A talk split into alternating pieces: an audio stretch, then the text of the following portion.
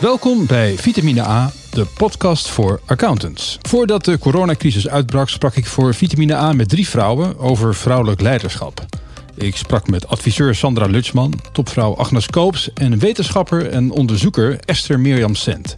Zij waren respectievelijk dagvoorzitter dan wel spreker op het door NBA in samenwerking met AME georganiseerde Women's Accounting Leadership Event, eh, dat op 5 maart werd georganiseerd voorafgaand aan de Internationale Vrouwendag. Nu we langzaamaan wat wennen aan het nieuwe normaal, uh, vinden we het bij vitamine A belangrijk ook weer na te denken over de thema's die ons bezighielden voor de crisis. En uh, daarom is dit de eerste aflevering van een driedelige serie waarin ik wil onderzoeken waar de accountancy staat als het gaat om diversiteit. Hoe komen we tot een cultuuromslag? Hoe belangrijk is een vrouwenquotum? Mijn eerste gast is Sandra Lutsman en uh, zij is expert op het gebied van leadership, diversity en inclusion. En ze heeft vanuit die rol ook een uh, plan van aanpak gemaakt voor de NBA. Sandra, welkom. Dankjewel. Om te beginnen, wat versta jij onder vrouwelijk leiderschap? Nou, ik denk vrouwelijk leiderschap, dat vind ik um, nou dus niet een term waar ik een enorme fan van ben. Ik denk als het gaat over leiderschap, dan uh, zou je op de androgyne schaal tussen mannen en vrouwen uh, zou je moeten kijken uh, naar wat daar allemaal voor eigenschappen zitten. Sommige eigenschappen worden meer toegedicht aan mannen en sommige meer aan vrouwen. En ik denk dat elke leider die succesvol wil zijn, um, een aantal van die eigenschappen, of het nou aan de mannelijke of aan de vrouwelijke zit, uh, moet beheersen. Dus eigenlijk zou je een soort je skillset moeten uitbreiden en naar de situatie moeten kijken. En dan moeten kijken van nou heb ik een beetje van dit nodig of heb ik een beetje van dat nodig.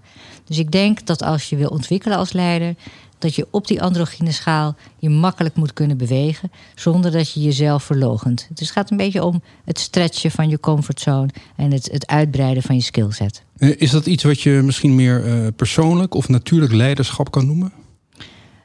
Het is uh, een van de quotes vandaag op het, uh, op het event. Is dat de belangrijk, een van de belangrijkste eigenschappen van een leider is the willingness and the ability to learn. En ik denk dat dat, dat is een quote van Sheryl Sandberg. En daar geloof ik sterk in. Uh, stilstand is uh, achteruitgang. Dus ik denk dat elke leider moet willen leren. Nou, vrouwelijk leiderschap, we hebben het erover omdat het onderdeel is van de misschien grotere discussie over uh, diversiteit en inclusie. Een hele actuele discussie. welke branches lopen nou voorop als het gaat om het thema diversiteit? En welke blijven achter? ik zie de, een aantal branches. de rechterlijke macht, het hele onderwijs, uh, speciale, gespecialiseerde ziekenhuizen, de ouderenzorg. Dat zijn branches die, uh, die lopen voorop. Um, en tegelijkertijd zie je daar een apart fenomeen. Dat heet geloof ik de wet van Sulero. Dat betekent dat hoe meer vrouwen er in een branche werkzaam zijn, in de top of in, in de gehele branche, dat dan het imago van dat beroep verlaagt of vermindert of verslechtert. Uh, dat is natuurlijk heel bijzonder dat dat uh, gebeurt. Maar dat zijn de branches waar het uh, beter gaat als het gaat om meer vrouwelijk leiderschap. Um, en als we het hebben over accountants, ja, dat zijn partnergebaseerde organisaties. Dus dat betekent dat draagvlak belangrijk is. Um, en dat ja, de weg naar de top met meer dan alleen maar je eigen prestaties uh, te maken heeft. Het heeft te maken met ook de geschreven en de ongeschreven regels van het, uh, van het carrière maken. En in welke branche doet het heel slecht? Um, nou, heel slecht. Ik denk dat er een aantal bedrijven zijn. Uh, die kan je zien als je kijkt naar de monitor. Uh, van, uh, die elk jaar wordt uitgegeven. Dan zie je dat er een aantal bedrijven zijn, beursgenoteerd. Uh, waar bijvoorbeeld nog geen enkele vrouw in de boardroom zit. Of geen enkele vrouw in de raad van commissarissen zit. En dat is in uh, 2020 is dat uh, opmerkelijk. Als ik het goed begrijp, zeg je in de accountantsector is er nog veel werk te doen, maar we zijn ook goed bezig. Kan je iets vertellen over de projecten die jij rondom dit thema bij de NBA hebt opgepakt? Um, nou, wat, we, wat de NBA-bestuur zelf heeft gedaan, is gezegd: wij willen uh, onze uh, publicaties genderneutraal uh, formuleren. Dus dat is iets waar we naar kijken.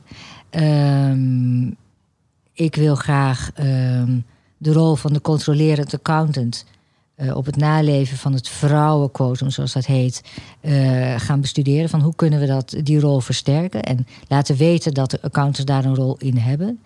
Ehm, als het gaat om zichtbaarheid, denk ik dat het belangrijke is dat bijvoorbeeld op een accountantsdag op het hoofdpodium meer vrouwen staan. En die zijn er en die horen we ook te horen.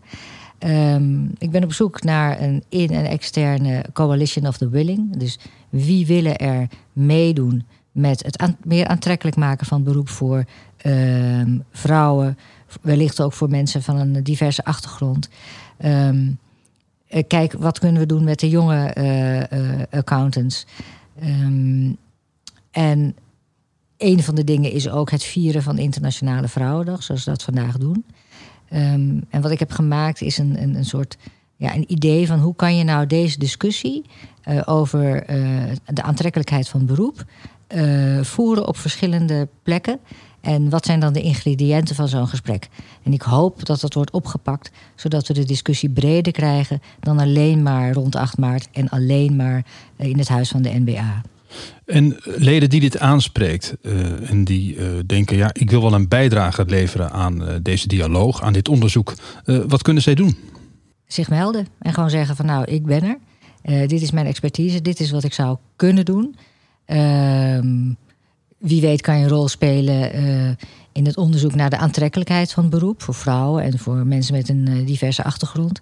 Ehm, wie weet kan je ehm, op andere uh, plekken ons introduceren. Zodat wij onze kennis kunnen delen met, met andere bedrijven. Um, dus ik zou zeggen, meld je gewoon. En dan gaan we kijken of we kunnen samenwerken. Nou ja, dat wachten we af. Eén ding weten we ook. het gaat niet vanzelf. op 3 december 2019 is een motie aangenomen voor een vrouwenquotum. Een bindend quotum voor de raden van commissarissen van beursgenoteerde bedrijven... met als opdracht daarin 30% vrouwen te benoemen... En minister Engelshoven noemde het een historisch besluit. Hoe kijk jij als expert op dit terrein naar zo'n quotum? Is dat geen paardenmiddel? Nou, ik denk een paardenmiddel. Ik heb begrepen van mannen dat zij van paardenmiddelen houden. Betekent dat ze gewoon weten wat ze moeten doen en dat gaan ze dan doen. Um, en een vrouwenquotum, ik ben niet zo voor het woord. Ik denk dat er gewoon een maximering is aan het aantal mannen wat in de top van een organisatie kan zitten. Als je er zo naar kijkt, dan klinkt het veel eerlijker. Uh, en dan klinkt het niet alsof vrouwen opeens een plek gaan uh, uh, moeten veroveren. Nee, er is gewoon een plek voor iedereen. maar er is een maximering aan het aantal mannen wat in de top kan zitten. Um, de, en komt dat ook niet omdat juist in de top een bepaald type man terechtkomt? Dat het dan ook een beetje een eenzijdig beeld wordt? Ik denk dat, dat overal waar je kloongedrag hebt en waar succesvol gedrag op elkaar lijkt, waar je elkaar niet meer uh, kritisch bekijkt of je misschien minder zelfreflectie hebt omdat iedereen zo op elkaar lijkt.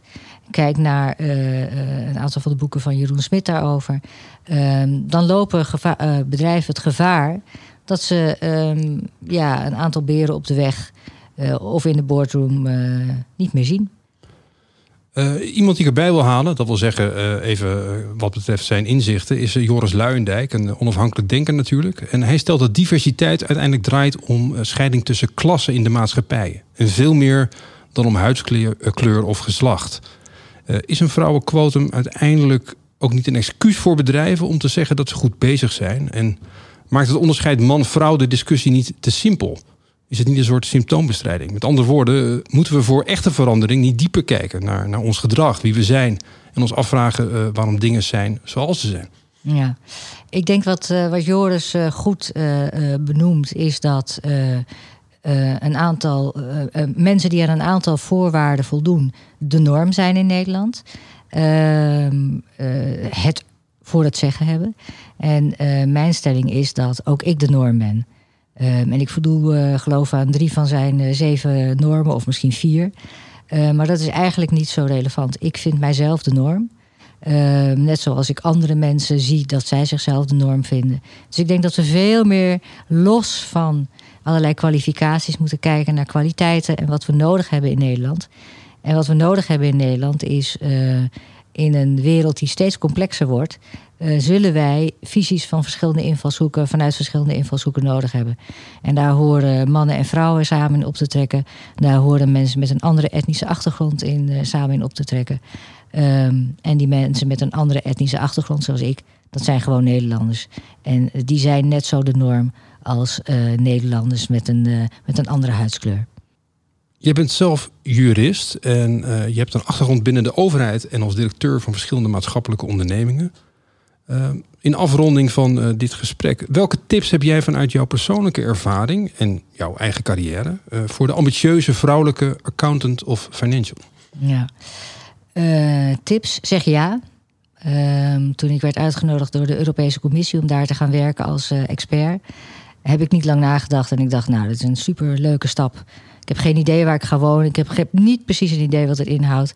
Maar dit lijkt me een kans, dus dat gaan we gewoon doen. Um, denk voor jezelf. Denk niet voor je organisatie. Dus denk niet van ik kan nu niet weg, ik kan deze kans niet nemen, want de organisatie. Nee, neem je, uh, grijp je kansen. Vind je stem. Vertel wat je, wat je vindt. Vertel wat je ambities zijn. Denk niet dat mensen zien dat je ambities hebt, maar wees daar uh, verbaal over. Zorg dat je een hele goede sponsor hebt die uh, voor jou al gaat lopen als het om je carrière gaat. Um, en um, verbreed je comfortzone. Niet, niet zozeer stap uit je comfortzone, maar maak hem steeds breder. Zodat je je steeds breder comfortabel voelt. Toen ik de eerste keer directeur ergens werd, toen dacht ik van jeetje, wat, wat, wat zouden ze van me verwachten? Toen dacht ik, nou, het staat niet op je voorhoofd gestempeld. Dus uh, je zal er zelf invulling aan moeten geven. Um, en ik denk dat die vrijheid, uh, hoe hoger je in een organisatie komt, hoe meer je de ruimte krijgt om, uh, om, om je eigen rol in te vullen. En ik, ik, ik heb dat altijd een heel prettig aspect gevonden van, van leidinggeven. En uh, tot slot de, de laatste vraag. Wat zou jij de, de mannelijke luisteraar van deze podcast adviseren als hij uh, een bijdrage zou willen leveren aan dit thema? Uh, wees je bewust wat voor positie je hebt en wat je zou kunnen betekenen. bedenk niet voor anderen wat er nodig is, maar vraag anderen wat er nodig is. En ga gezamenlijk dan dat pad bewandelen. leer van elkaar. Ehm, luister naar elkaar zonder, met een open mindset. Uh, verbaas je. En, uh, en, en uh, ja, wrijving geeft glans. Ehm, maar ik denk dat het ook ontzettend verhelderend kan zijn om met anderen te praten over hoe het eraan toe gaat in de organisatie waar je allebei een rol in speelt. Nou, een, een heldere boodschap. Sandra, ontzettend bedankt voor je bijdrage aan dit eerste deel van deze podcast. Graag gedaan, Sven. En beste luisteraar, uh, jij ook bedankt voor het luisteren. Uh, dit was de eerste uh, aflevering van een reeks van drie. waarin we kijken naar vrouwelijk leiderschap, naar diversiteit in de accountancy. de volgende aflevering is met Agnes Scopes. zij is voorzitter van PwC Accountants en lid van de Raad van Bestuur. Het uh, gesprek heeft al plaatsgevonden en ik kan alvast uh, weggeven dat het een hele leuke aflevering wordt. Waarin uh, Agnes ook zeker heel persoonlijk is. Maar ook vertelt over hoe het bij haar in de organisatie gaat met dit thema. Voor nu bedankt voor het luisteren. Dit was Vitamine A, de podcast voor accountants.